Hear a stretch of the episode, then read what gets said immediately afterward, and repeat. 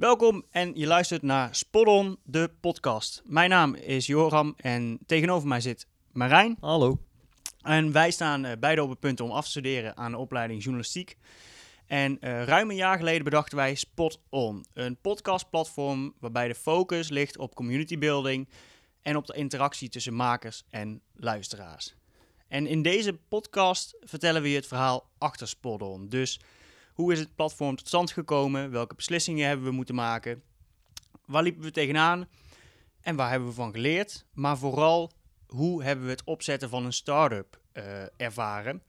Dat gaan we het komende half uur ongeveer uh, bespreken. Maar laten we bij het begin beginnen.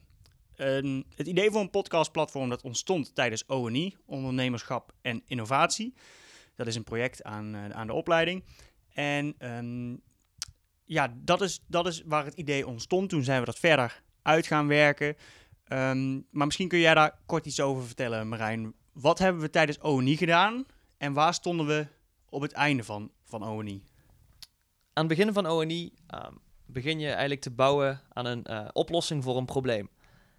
Uh, dat probleem dat kwam eigenlijk bij onszelf vandaan. Wij merkten als uh, vervent podcastluisteraar dat wij vaak hele interessante gesprekken hoorden of uh, toffe gasten hadden, maar daar vaak wat meer over wilden weten of uh, vinden van nou, wat vond jij daar nou van? Of uh, wat, wat, vond jij van die discussie?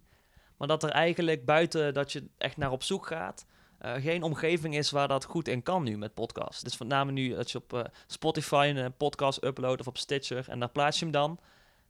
En dat is het. Hij staat daar, je kunt er naar luisteren, maar voor de rest is er eigenlijk niet heel veel wat je daar omheen nog kunt doen. Um, wij hadden daar graag wat meer opties in gezien op het gebied van uh, community building of interactie. En met die vraagstelling gingen wij eigenlijk, uh, stapten wij op verschillende podcastmakers af.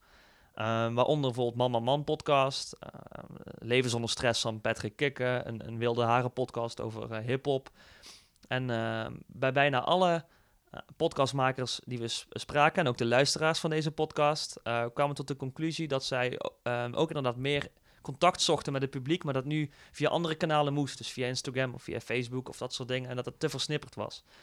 En zo, daaruit vloeide eigenlijk ons eindproduct wat wij bij ONI hadden. En dat was een podcastplatform waarop je een podcast kunt plaatsen, livestreamen ook. En tegelijkertijd meteen op diezelfde plek in contact kan komen met je publiek. Onder, door middel van een chatbox of van een, uh, een, een pollfunctie, een prikbord. Luisteraarsprofielen waarbij je kunt zien wie van welke podcast houdt of welke interesse die heeft. En op basis daarvan kunnen podcastmakers ook weer een nieuwe afleveringen baseren. Dus stel je krijgt input van je publiek, uh, wat heeft dat voor effect op misschien de volgende uitzending die je maakt? Enfin, dat was eigenlijk het product dat wij uh, op papier hadden staan aan het einde van ONI. Ja, en um, nou, dat is januari 2020, dus uh, een jaar geleden, een jaar geleden, precies een jaar geleden. Toen um, hadden we dat platform verzonnen. Wij presenteerden dat toen aan het eind van, van ONI. Uh, leuk en aardig. En we dachten, nou, dit, dit zit erop. Um, en toen kwam na die presentatie Bart van Tevelen naar ons toe en die zei: um, Ik heb jullie verhaal gehoord. Ik denk dat hier, dat hier iets in zit. Of in ieder geval dat je, dat je dit moet gaan, gaan uitproberen, moet gaan testen. En wij op dat moment hadden we er nog helemaal niet over nagedacht. Uh, ik bedoel, we vonden het ook wel een goed idee natuurlijk, maar om daar, dan, om daar dan serieus mee door te gaan, dat, dat was nog niet, in ieder geval niet in mij opgekomen. En dat dat, hoe dat dan ook moet, ja, geen idee. Nee, precies. Dus, um, en toen stelde hij voor van, nou, dan gaan we even rond de tafel zitten. Dus wij uh, nou, dachten, prima, gaan we rond de tafel zitten. En toen zei hij, nou, als jullie willen, dan kunnen jullie meedoen aan een traject van Broeines Brabant. Dan mag je dan aan meedoen, krijg je een aantal workshops, word je, word je begeleid in het opzetten van jouw van jouw start-up. En um, wat vond je, wat, toen, toen hij dat eigenlijk aan je vroeg, wat dacht je toen als eerste? Um, nou, ik was in eerste instantie vooral um, gevleid, omdat hij, hij, Bart, is, Bart is toch wel iemand die er wel, uh, die zit een beetje in dat wereldje, weet je wel. Die is veel bezig met, met start-ups, met innovatieve, uh, innovatie binnen de, binnen de journalistiek ook. Dus dat was wel leuk dat hij dat zei. Um, maar ik, ik, dacht wel van, oh shit, dan wordt het wel in één keer serieus, weet je wel. Ja. Ik, ik moet zeggen, tijdens ONI dacht ik echt wel van, dit is echt wel, we hebben hier wel echt iets te pakken. Maar ik dacht wel van, mm, ik, of we hier nou mee, mee, echt mee door moeten, dat weet ik niet. Um, maar uiteindelijk dacht ik bij mezelf van, ja, wat, wat heb je te verliezen? Um, ja, ik was iets huiveriger dan jij, denk ik. Ja, precies. Jij wilde er wel voor gaan, je was gevleid. Ja, ik dacht wel vrij snel van, nou, laten we gewoon doen, want ook al wordt het niks, dan leren we er veel van. Ja. Maar jij dacht, jij zag nog iets meer beren op de weg. Ja, Toch? ik dacht van als we het dan doen, dan gaan we het ook goed doen.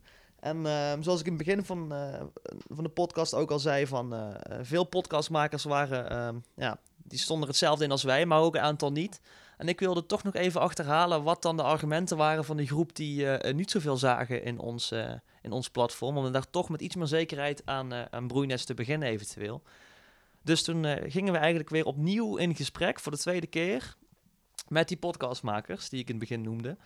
En toen ehm, kwamen we op een constatering die eigenlijk de basis is voor wat daarna Spot On is geworden. Dus het is heel belangrijk geweest voor ons. Ja, En dat was het feit dat ehm, er een tweescheiding was tussen eh, de podcastmakers. En dat was eh, een podcast met een algemene eh, eh, setting, dus meer een thema. En dat ging dan elke keer een ander onderwerp of een nieuw verhaal. En het was best wel eh, universeel. En podcasts die heel specifiek een niche aanspraken. Dus echt over een spe- specifieke sport, over hip-hop, over mentale gezondheid. Dus juist die makers waarbij die veel meer een niche ehm, eigenlijk te pakken hadden, die waren enthousiast. En eh, na wat onderzoeken te hebben gelezen en daar veel over te hebben gebrainstormd, kwamen Joram, Joram en ik tot de conclusie dat eh, juist bij een niche natuurlijk die hyperinteresse veel meer ehm, overeenkomt. Dus de luisteraars en de makers hebben veel meer gemeen.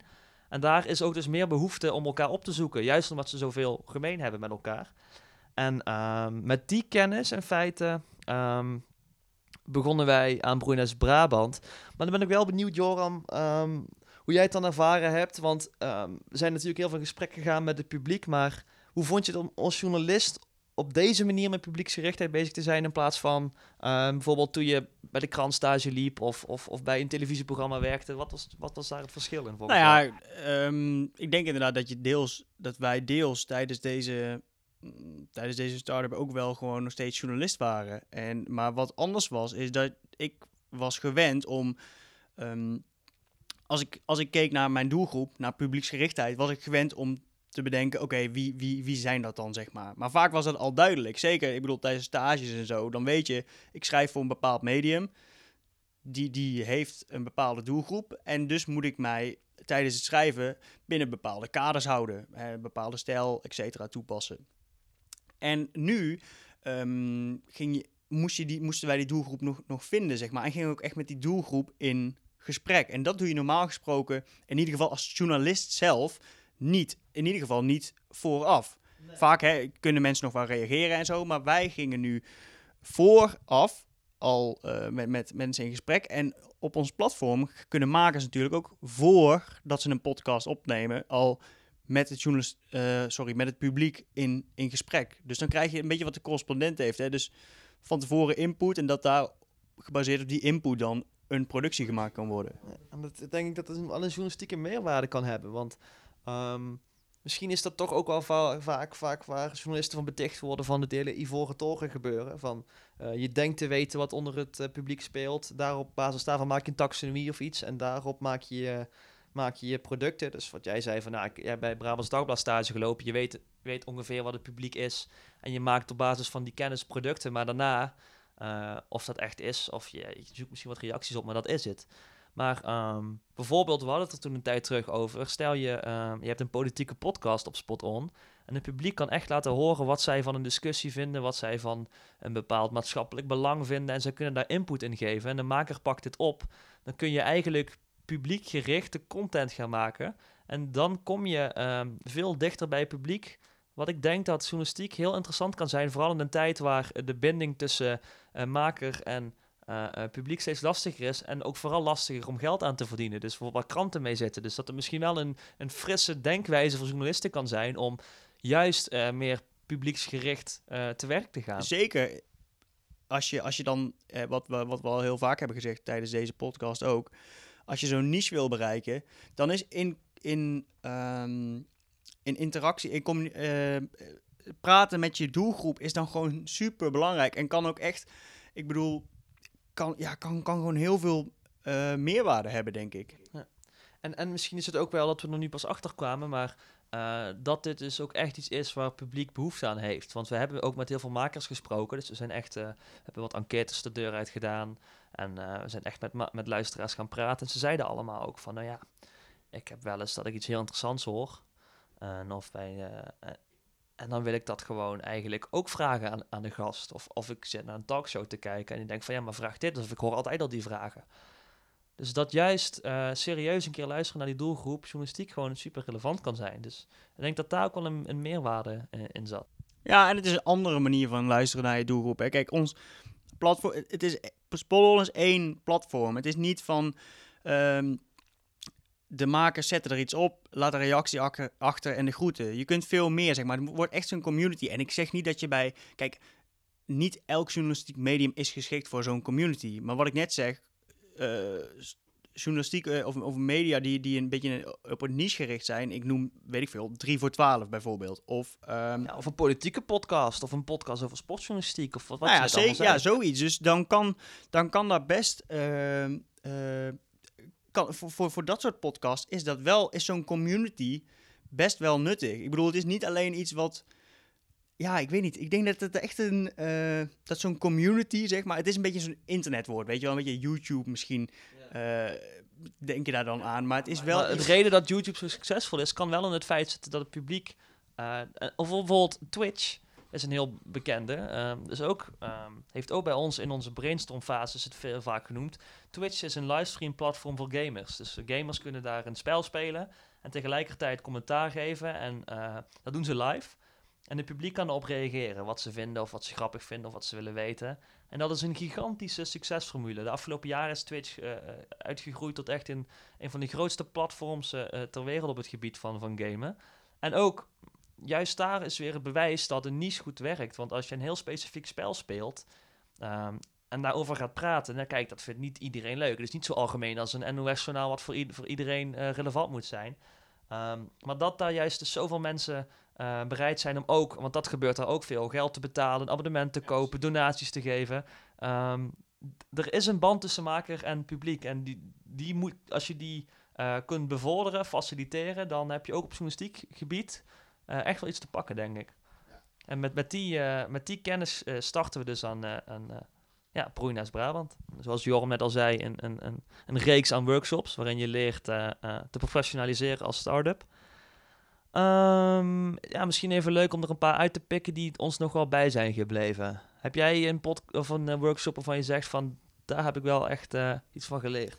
Nou, een aantal. Ik bedoel, ja, uiteindelijk heb ik denk ik van allemaal wel wat geleerd. Maar de ene blijft je natuurlijk meer bij uh, dan de andere. Um, in ieder geval één, één workshop die mij wel is, is bijgebleven. Dat is de workshop die werd gegeven volgens mij door um, Alka Goos heette zij. En dat, dat ging over how-to sales gesprekken. Dus hoe voer je gesprekken met klanten? Hoe verkoop je je product? En wij hadden tijdens ONI wel wat gedaan met pitchen en zo. Maar um, dit was wel zeg maar next level. Dus, en het ging, ook, het ging ook heel erg over de vorm. Dus het was ook heel erg... Uh, ja, ja, hoe je doktertje moet spelen in feite, was het een beetje. Nou ja, ja, ja, sowieso hoe je als dokter, want ik zal zo uitleggen wat dat betekent, maar sowieso hoe je je presenteert, dus rechtop staan en een stap naar voren doen. Nou, heel basic, maar wel dingen waarvan je denkt, ja, dat, dat, um, daar zit wat in. Als je Professionele bij... houding, ook een lichaamstaal in feite. Ja, nou ja, dat, ja zeker, zeker. Um, maar ook, en, en dat, ik weet niet zeker of dat in haar workshop was of in eentje later van, nee, van dat was wel die bij, Oh ja, bij Albertine was dat inderdaad. Ja, ja dokter spelen. En dat, dat, dat borduurde eigenlijk voort op hoe ga je met, met klanten om. En zij, en dat is mij wel bijgebleven, zij zei, als jij gesprekken voert met potentiële klanten, wat in ons geval dus podcastmakers zijn dan moet je jezelf eigenlijk zien als de dokter, als de arts en jouw klanten zijn de patiënt. Dus in plaats van dat je gelijk uh, uh, uh, iemand iets wil verkopen of iets wil. Precies, begin je met wat is het probleem? Hè? Net zoals een dokter, wat scheelt er aan? Dus je gaat eerst inspelen op hun gevoelens. En dan praat je ook over mee, weet je wel. Ja, dat begrijp ik en dit en dat. En pas als je dat hebt, duidelijk hebt, als zij hun hart hebben kunnen luchten over wat er allemaal mis is, wat ze alle, waar ze overal tegenaan lopen, pas dan ga je kijken naar een oplossing. En wat, ik ook, uh, wat mij ook is bijgebleven, is dat je ook moet openstaan voor, voor de verandering, zeg maar. Dus stel in dat gesprek blijkt dat zij wel een probleem hebben, en dat probleem dat heeft ook wel, daar heb jij misschien wel een oplossing voor, maar daarvoor moet je je nou, bijvoorbeeld in ons geval je, je, je platform wel wat voor aanpassen, moet je daar wel voor openstaan. Je moet niet voet bij stuk houden. En dat hebben wij nou, bijvoorbeeld gedaan door eh, te veranderen hè, van, van gewoon algemeen platform. Naar die niche podcast. Naar die niche podcast, inderdaad. toe te stemmen, zeker. Dus dat is mij wel bijgebleven. Ja. Ehm, en, en, en ik ben wel benieuwd wat, welke bij jou is blijven Ja, dat is hangen. ook, ook van Albertine. En dat, dat borduurde weer voort op dat dokter te spelen. Ehm, je zei, ja, dat komt misschien een beetje commercieel over van je moet op het probleem van de ander inspelen. Maar in feite kom je door zo'n gesprek ook achter wat het probleem van een persoon is of van een organisatie is. En dan kun je meteen spiegelen van oké, ehm, geeft ons idee of ons platform hier een oplossing voor of niet? Is het een goede klant of niet? En een van de goede ehm, voorbereidingen om zo'n gesprek in te gaan is de, is de buyer persona maken. Zo heette dat met een heel chique, chique taal. Ehm, dus dat gingen wij doen. Wat houdt een buyer persona in? Je gaat eigenlijk een schets maken ehm, van een voorbeeldpersoon van wie eventueel jouw doelgroep is. Eigenlijk komt het overeen met hoe tijdschriften vaak werken, met een, met een archetype. eh, dat je zeg maar kunt zien van, eh, dit is de persoon voor wie ik schrijf of voor wie een tijdschrift maken. En dat deden wij dus ook voor Spot On. En toen kwamen we eigenlijk En dan een- echt alles erop en eraan. Hè? alles Dus erop en eraan. niet alleen van waar werkt hij en zo, maar ook wat, wat- zijn wat- zijn hobby's. Wat kijk je op je tv? eh, waar ga je uit eten? Alles. ja, echt tot in detail. Tot in detail. Dus daar zijn we voor gaan zitten. En toen kwamen we op een interessante lijstje uit. En ehm, daar, op daarop gingen we eigenlijk voorbeduren van met welke partijen kunnen we nu in contact komen met onze professionele houding die hebben geleerd van die, die workshops en eh, met een betere kennis over ons platform. Om te kijken van oké, wat zijn nou echt partijen die echt iets aan ons platform hebben en daar eventueel ook geld voor over zouden hebben. Want het, dat, blijft natuurlijk een bedrijf wat je, wat je runt. En eh, uit die buyer persona kwam het volgende eh, naar voren. Ja, want, want ehm, wij hadden op dat moment, toen het over die buyer persona ging, wel, hadden we op zich wel redelijk duidelijk voor onszelf, dit is, dit is Podon. Het was wel, het was nog niet af natuurlijk, maar het was, we hadden een solide basis. En door die buyers persona, toen dachten wij, oké, toen wisten wij daardoor van wie moeten wij nou gaan benaderen. En toen kwamen wij volgens mij eh, ook, ook wel eh, eh, door gesprekken met Bart uit bij het Brabants Dagblad. Want ehm, nu kom ik er even helemaal terug op onze core. Dus echt, wat ik begin ook zei, van die niche. Ehm, dat bleek toen heel waardevol te zijn. Want een niche zijn mensen die heel veel overeenkomsten hebben. En daardoor, en dat is ook uit podcastonderzoeken naar voren gekomen, heel loyaal zijn. Dus stel, ehm jij hebt juist wat echt naar een podcast bij iets wat heel specifiek jou aangaat. En je hebt het gevoel dat jouw maker eh, daar ook zo in staat. Of daarin een, hetzelfde interesse deelt. En meerdere luisteraars ook dan kom je terug naar die plek. Want dat is het, wordt het soort van thuis ehm, voor dat gevoel. En ehm uit onderzoeken komt ook naar voren dat luisteraars het, intimiteitsgehalte bij podcast veel hoger hebben staan dan met een, een, een uitzending of een ander tv-programma of een radioprogramma. En ehm, die loyaliteit, dat werd op een gegeven moment eh, een belangrijk punt voor onze ontwikkeling. Want als er een partij is die behoefte aan heeft aan loyaliteit, dan kom je snel uit bij ehm, ja, journalistieke bedrijven die daar vroeger ehm, hun brood mee konden verdienen, maar waarbij dat nu steeds lastiger wordt. En daar is een goed voorbeeld van de, de abonnementen. Eh, kranten hebben, eh, ja, die draaien voornamelijk op inkomsten van abonnementen, maar eh, als het publiek steeds minder loyaal wordt, wat je nu ziet met de generaties en de jongere eh, generaties die dan minder interesse in hebben, ehm, komt hun bestaan deels in gevaar. En om dan juist in lastige tijden voor journalistiek een oplossing te kunnen bieden op het gebied van, nou, als je een, een, ja, ons platform in gebruik neemt, dan eh, stimuleer je eigenlijk die interactie en stimuleer je eigenlijk dat die mensen bij elkaar komen en dus een loyale community bouwen. En ehm, toen kregen we heel duidelijk inderdaad voor ogen van Brabants Dagblad kan hier een interessante speler voor zijn, want die eh, eh, zijn misschien wel, die zijn waarschijnlijk op zoek, nou dat kan ik bijna ook wel stellen, die zijn op zoek naar meer loyaliteit en vaste vast publiek. En zij zijn bezig met eh, podcast. En juist in een regio kun je juist heel goed op een niche toespitsen. En het want- was, het was ook wel praktisch, toch? Volgens mij, eh, het was ook wel vanuit een praktisch oogpunt van... we kunnen simpelweg niet een platform straks de lucht ingooien... en zomaar verwachten dat allemaal mensen daar, daar... We hebben een partner nodig. En we wilden eigenlijk, die, het Brabants Dagblad, dachten wij... die staan dichtbij, Ja. eh, letterlijk en figuurlijk. Ja. En we kunnen ze denk ik inderdaad gewoon ook, ook helpen, wat je zegt. Dus De laten we- ambassadors kwamen Precies. toen. eh, Laten we, laten we hen contacteren, kijken of we eh, in samenspraak met hen eh, een pilot op kunnen zetten. En nog met een aantal andere podcasts eh, waar we contact mee hadden. Ook wat, wat, wat, wat kleinere podcasts, maar die zeiden van tuurlijk, wij doen wel mee, gezellig.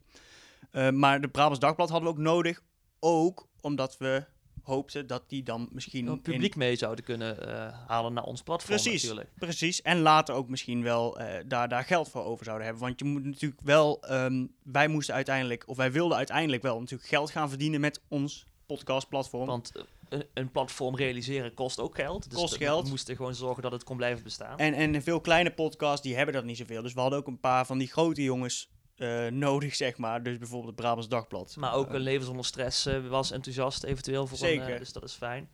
En ja. um, we bleven daar wel goed en ook kritisch naar onszelf van. We kunnen nu wel elke podcast die zich interesseert in ons platform erbij gaan pakken van el, el, alle beetjes helpen. Maar we wilden wel um, loyaal ook blijven naar ons eigen idee. Dus dat we wel echt op die niches toespitst, ja, to toegericht waren in feite. Ja. En dat ging ook wel uh, heel goed met het Brabants Dagblad, want we gingen in gesprek met, uh, met Rob Aarts, die, uh, die werkt voor het Brabants Dagblad en die, die, ja, die managt eigenlijk een beetje de podcastdistributie en de opzet bij dat medium. En hij zei ook van, nou ja, bij een regionale krant kun je heel veel op de regionale identiteit focussen, veel meer dan landelijke media. Dus uh, kijk in Brabant naar een amateurvoetbal of naar criminaliteit op lokaal niveau of iets met carnaval. Dus daarin uh, kwam voor ons ook weer het pluspunt naar boven van dat kun je, daar kun je binnen een regionaal bestek toch wel een, uh, een niche op aanspreken. Dus toen hadden we eigenlijk een rijtje van early ambassadors die enthousiast waren. En stel, wij gingen een pilot starten, dan konden we met hen dat gaan doen. Dus dat is eigenlijk wat ons door tijdens Broeinest uh, wat we toen eigenlijk hebben opgebouwd. Ja, dat, dat gesprek met, met, uh, met, met hem, dat heeft er eigenlijk voor gezorgd, tenminste dat was voor, voor mij en volgens mij ook voor jou wel de doorslag van oké, okay, we, we, we, hebben allerlei, we hebben allerlei kennis opgedaan van deze workshops van, van Broeines. Uh, we zijn gegroeid. Uh, Spot was, was niet per se veel gegroeid, maar onze kennis van, van zaken wel. En door dat gesprek met, met Rob uh, dachten wij, oké, we, gaan, we gaan gewoon een pilot draaien. Dat, zei, dat zeiden meerdere mensen tegen ons, die zeiden, kijk, je kunt uiteindelijk um, zoveel gaan valideren en gaan checken en, en, en, en blijven doen zoals je wil, maar uiteindelijk moet je een keer uh, een stap maken, een sprong wagen, moet je gaan testen, werkt, werkt? Ja. En dat was het moment dus dat we dachten, oké, okay, we gaan een pilot maken. Um, en, ook een werkende pilot. Dus niet alleen hè, een, een, een, website die we, die we nu ook hebben, maar gewoon een pilot waar podcasts op staan. We hadden een domeinnaam, maakten we aan. We, hadden, we hebben nog een Instagram-account met nul volgers. Um, maar we, we hadden wel serieus, het moest zeg maar... Echt, het moest in de praktijk komen en daar hebben we de eerste stappen in gezet. Ja. En uh, dus we hebben inderdaad alles afgekocht wat nodig was, zodat niet iemand anders er sneaky vandoor kon gaan. Dus inderdaad een domeinnaam, et cetera, et cetera. En toen kwam de stap we hebben ons idee, we hebben het gevalideerd. We hebben onze ambassadors. Uh, we hebben een stuk professionelere ja, houding aangeleerd bij Broeines Brabant, waardoor wij ook met uh, partners die hier, ons hier iets voor ons kunnen betekenen, uh, serieus ja, onszelf kunnen presenteren. En toen was het eigenlijk tijd, en dat hebben we ook geleerd in de workshops, van we leerden ook echt een stapje je, start-up op te bouwen. En het stapje wat voor ons nu belangrijk was, is een technische pilot draaien. Gewoon kijken van, Um, realiseer dit platform met alle functies die jullie in gedachten hebben. Laat een paar makers een podcast hierop zetten en um, ze nemen hun publiek mee.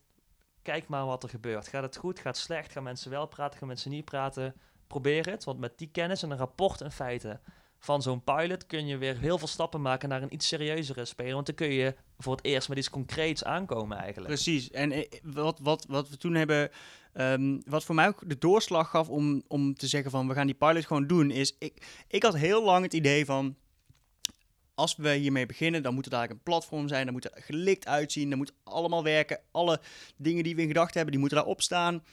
Um, we hebben ook in één keer, we hebben ook gelijk gewoon veel podcasts nodig, want anders wordt het niks. En, en um, ook door die, door die workshops, dat, die waren volgens mij van Dirk Muller, kwam ik erachter van, ja, maar je hoeft niet gelijk allemaal geld er tegenaan te gooien. Als je nou eerst gewoon zorgt, en dat kan zonder geld, en in een hele, he, hele kleine light versie gewoon test of het überhaupt iets is, dan wat je zegt, dan is dat al, dan is dat al um, genoeg, zeg maar. En dan kun je, hè, als je dan, dan als mens enthousiast in, eh, eh, als mensen enthousiast zijn, je krijgt ambassadors, dan eh, hè, eh, mond-op-mond reclame. In ieder geval, het wordt duidelijk, dit, dit wordt iets. Dan kun je gaan kijken, oké, hoe gaan we dit... echt serieus en mooi maken? Hoe gaan we het financieren? aanpakken, et cetera, et cetera. Precies. Ja.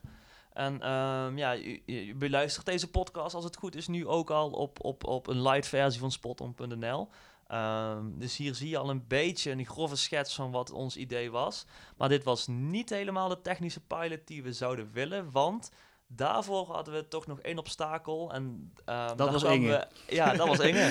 Nee, dat was eigenlijk wel ja. een, een- niet een teleurstelling, maar eh, we hadden eigenlijk zoveel geleerd, zoveel eh, positieve mensen om ons heen eh, eigenlijk eh, gecreëerd en met ons meegenomen. Dus we waren nu wel echt iets, had ik het gevoel. We waren echt een Ja, platform met mensen die, die, die waren geïnteresseerd in ons. En wij dachten, oh ja, even een, eh, een domeintje, een, een site lanceren, wat, wat, wat plugins erin en we gaan. En we, toen eh, raden... Ja, want we hadden op dat moment de site die... Onze huidige site hadden we op dat Ja. moment al. Die, die site hadden we al. We kunnen, konden hem verplaatsen naar zonder het FAJ-domein. Dus we konden het echt gewoon officieel de lucht ingooien. En toen zei Bart van, ja, doe dat. Eh, ga even in gesprek met Inge, want die kan jullie eh, hierin begeleiden. Nu doen we wel heel erg Inge overkomen als een boosdoener, maar dat is het nee, natuurlijk nee, niet. zeker niet. Nee, maar we hadden zelf niet voorbereid op dat, dat natuurlijk een, een, een, WordPress-website met wat plugins, dat dat prima kan werken. Maar wil je echt, en dat is toch echt wel de core van onze...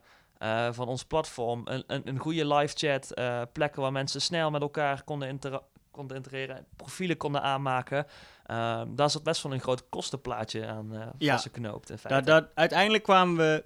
We zijn toen inderdaad in gesprek gegaan met, met Inge Beekmans. En die heeft een beetje uitgelegd van... eh, nou, je moet domeinnaam, je moet een webhost, je moet een heel rijtje met dingen van... Dit moeten jullie allemaal doen en dan kunnen we verder kijken, zeg maar. Of dan kunnen jullie beginnen aan de volgende stap. En toen realiseerden we ons inderdaad, dit, gaat dit gaat geld kosten. En het is niet per se dat we dachten van, dat willen we er niet insteken. Ehm, maar nou, het was denk ik één van de twee. Of het zou gelijk gewoon redelijk veel geld kosten. Of we zouden er zelf heel veel tijd in moeten steken om het allemaal zelf... Maar ja, ik bedoel, wij hebben, wij hebben wel wat kennis van, van websites bouwen en, en de achterliggende digitale dingetjes allemaal. Maar de hele, want de hele data eh, Maar- ja, set en alles, dat ook minder. we hadden op dat, we hadden op dat moment gewoon... eh, want dat was dit najaar volgens mij, of eh, najaar 2020, dus hadden we gewoon niet de tijd eh, of het geld om, om verder te gaan. En toen is het eigenlijk dus op de plank beland en hebben we het laten liggen, laten verstoffen zoals het nu is, toch? ja. Dat is, dat is eigenlijk een beetje hoe het... Hoe het is gegaan is. Ja. Dus in feite ehm, hebben we, hadden we wel iets te pakken, maar hij heeft echt ja, een, een kostenplaatje het ons tegengehouden. Maar, eh, Nog, nog wel, nog wel, want eh, natuurlijk corona kwam ook, hielp natuurlijk ook niet mee. Ik bedoel, ik vind het Maar verschrikkelijk bij, altijd bij- om- ik merk het. Zit, gaat het bij jou weer een beetje kriebelen nu dan? Als je dan zo erover praat? Ehm, nou ja, kijk, het is wel zo inderdaad. Als ik er dan meer mee bezig ben, of als ik weer een kijk- keer een kijkje op die website neem. Ja, dat doe ik niet heel vaak of zo. het is niet dat ik elke avond voor het slapen gaan even op de website ga kijken. Maar Nee. ehm, als, ik als ik daar dan weer eh, mee bezig ben, dan, dan begint het wel... Ja, ik weet niet. Inderdaad, toch wel een beetje te jeuken. Dan denk ik van, ja, maar we hadden volgens mij wel echt iets te pakken. En het is misschien wel eh, zonde dat we dat hebben laten liggen. Maar anderzijds denk ik ook van... ehm, nu nu eh, zit het er gewoon even niet in. Alleen, ik sluit niet uit... En dat is dan een beetje een vaag, vaag antwoord uiteindelijk misschien. Maar ik sluit niet uit dat we het ooit nog oppakken. Ik zou het best willen. Als ik ooit eh, de tijd heb en ik denk van...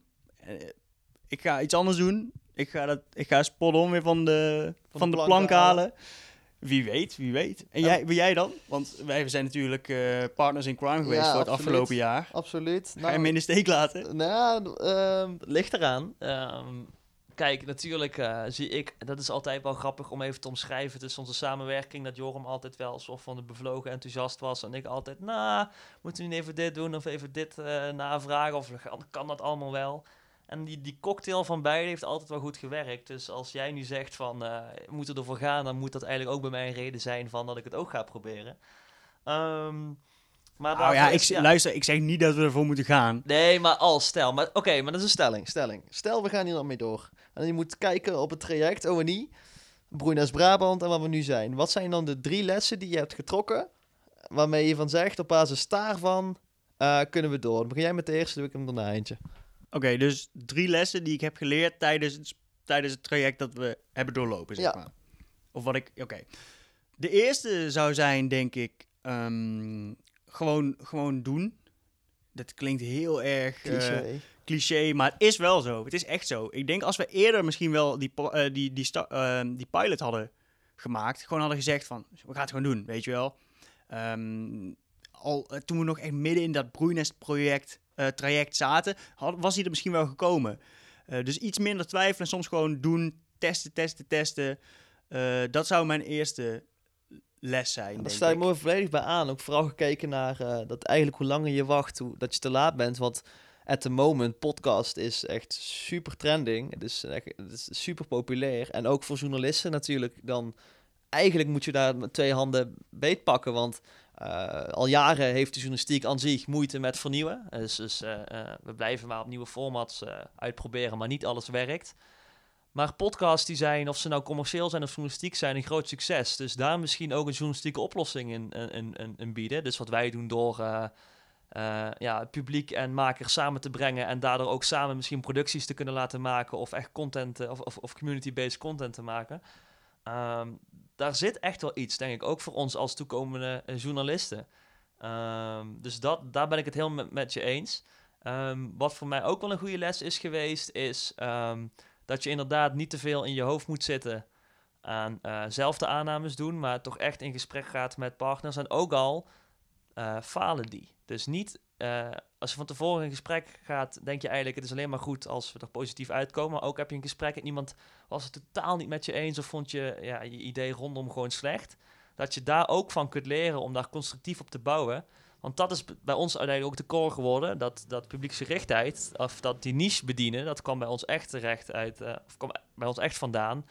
Omdat we met mensen in gesprek gingen in feite die echt helemaal niks zagen in ons idee. Dus eh, eh, dat vind ik ook wel een, een belangrijke les. Mhm. Mm. Nou, dan rond jij hem af, de derde.